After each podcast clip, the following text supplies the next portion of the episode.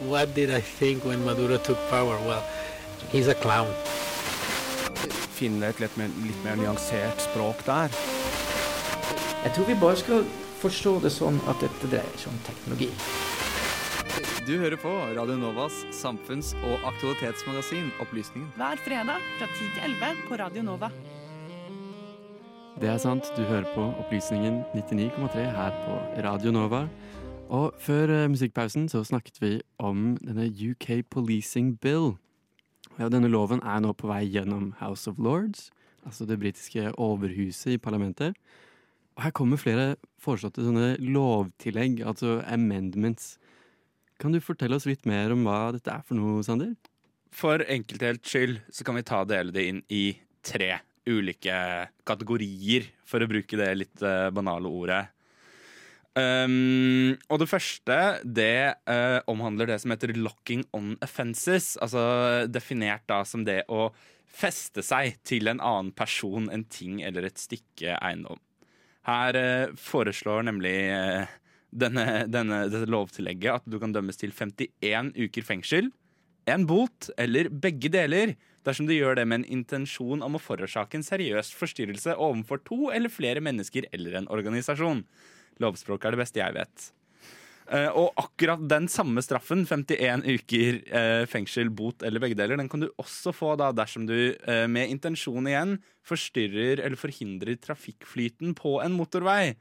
Det vil da si at protester av den typen som ble gjennomført f.eks. i Repparfjorden her i Norge, det kan dømmes med 51 uker fengsel, bot eller begge deler. Aha, Og det samme dersom vi nå skulle gått ut på E18 og holdt hender for å stanse biltrafikken i en uh, protest. Nemlig. Og det tredje? Vi er vel fortsatt på det andre. Um, det, det gjelder dette som heter uh, stop and search. Altså det å kunne søke et område eller en person uten å først ha arrestert vedkommende. I dag så kan man kun gjøre det dersom det er grunnlag for å tro at man vil finne stjålet gods, eller dersom de har våpen eller utstyr som kan brukes til å gjennomføre her kan vi rekke med lovbrudd. Ran, innbrudd, biltyveri, bedrageri eller hærverk. Til denne listen legges nå også det å kunne mm, Det å hindre eh, trafikkflyten på motorvei, eller locking on offences. I tillegg blir det ulovlig å ha utstyr som kan brukes til sistnevnte. Altså kan du bli søkt hvis du har en hengelås eller en kjetting. Um, og en, enda liksom et sånn kontroversielt tillegg da på toppen av dette er det at uh, politioffiserer med en høyere rang enn inspektør kan stoppe å søke deg dersom du befinner deg i et område vedkommende tror kan være åsted for da enten offentlig sjenanse eller hindring av veier og lignende. Jaha, et, å, altså et område. Wow. Det, Så kommer vi til det tredje området. Det er kanskje noe av det uh, mest kontroversielle i hele den pakka her. Uh, det innebærer det som heter Serious Disruption Preventer, Prevention Orders, eller SDPO.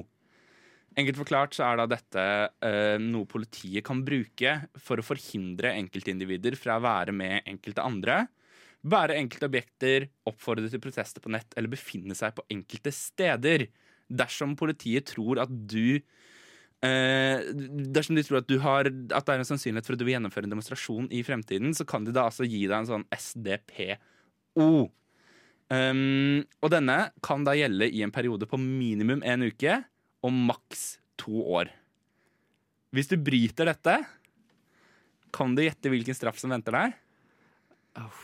51 uker i fengsel, bot eller begge deler. hmm, dette året, da. Ja, virkelig. Altså, eh, om jeg får avbryte deg Det høres jo ut som det er veldig sånn spesifikt er designet for å ramme klimademonstranter. Uh, og de har man hatt mye av i Storbritannia. Særlig en gruppe som heter Insulate Britain har vært veldig kontroversielle, hvor de ja, uh, limer seg fast til veidekket og altså lenke Ordentlig ja. Det er jo annet Insulate Britain og Extinction Rebellion som virkelig er ute og skriker nå om at Mm. dette kommer til å forby protester. I hvert fall den typen de holder på med, da. Ja, så de er jo de er veldig i denne klimasfæren eh, og er er aktivister av den, av, av, av den fargen der. Men er det noen andre aktivistgrupper som er bekymret, eller som kunne vært berørt av det her? Jeg vil ta oss tilbake til uh, mai og juni 2020 og en uh, spesiell, altså en type protester som virkelig fikk en spark over hele verden. Lise, da snakker vi selvfølgelig om Ja, nå satte jeg meg veldig på plass her. Altså, jeg er veldig usikker. eh, ikke koronavaksine, men eh, Black Lives Matter-protester. Ja, selvfølgelig. eh, er eh, også mulig å rammes her. Fordi at Vi husker jo disse bildene av denne statuen av Edward Colton, denne tidligere slavehandleren som blir revet ned i Bristol og dratt og dumpa i elva. Og disse som gjennomførte denne handlingen, de ble jo da tiltalt uh, for hærverk på offentlig eiendom i desember i fjor og frikjent 5. januar i år. Det eh, kan det se ut som at det blir en endring til. Fordi at eh, Dette er veldig spesifikt, og dette ligger i, altså, i hovedloven. Dette er ikke et tillegg, så dette er på en måte allerede vedtatt. Dersom du eh, Så dersom du gjør det i dag, så kan du eh, dømmes da til eh, en erstatning på opptil 50 000 kroner. Og i tillegg en fengselsstraff på opptil tre måneder. Den nye loven øker dette til maks ti år. Yes. Du kan få ti års fengsel for å skade en um, Altså skade offentlig eiendom.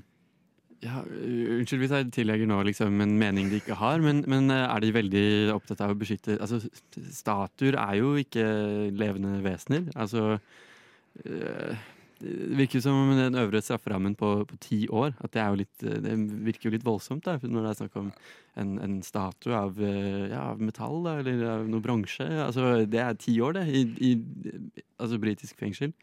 Det høres jo litt over, ja, Det kan være at det er en statue av Winston Churchill. De er litt spesielt ute etter å beskytte. Et siste punkt som jeg ikke kom innom i saken, som jeg skammer meg litt over.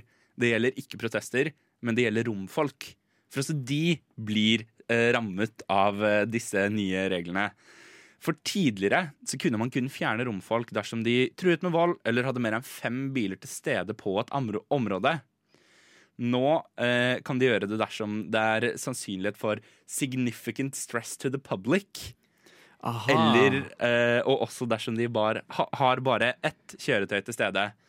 Altså må de ikke gjøre noe galt. Det må bare være sannsynlig at de kan gjøre noe galt. Og da ligger jo liksom definisjonsmakten litt i hvem som skal, eh, hvem som skal avgjøre hva som er significant stress to the public. Da. Det kan jo se, kan jo, hvis vi legger fantasien til, kan vi jo se for oss at uh, politivesen har en annen definisjon på hva det er, enn kanskje folk flest, eller de som er i dette såkalt utsatte områder, ja, hva det måtte gjelde. Så det er ja, spesielt. Dette vil da også falle under eh, oppgaven til innenriksministeren, akkurat slik som hvor høylytt en demonstrasjon er. Så det legges ganske mye makt i hendene på innenriksministeren her, og det har vært oppe for kritikk i eh, parlamentet.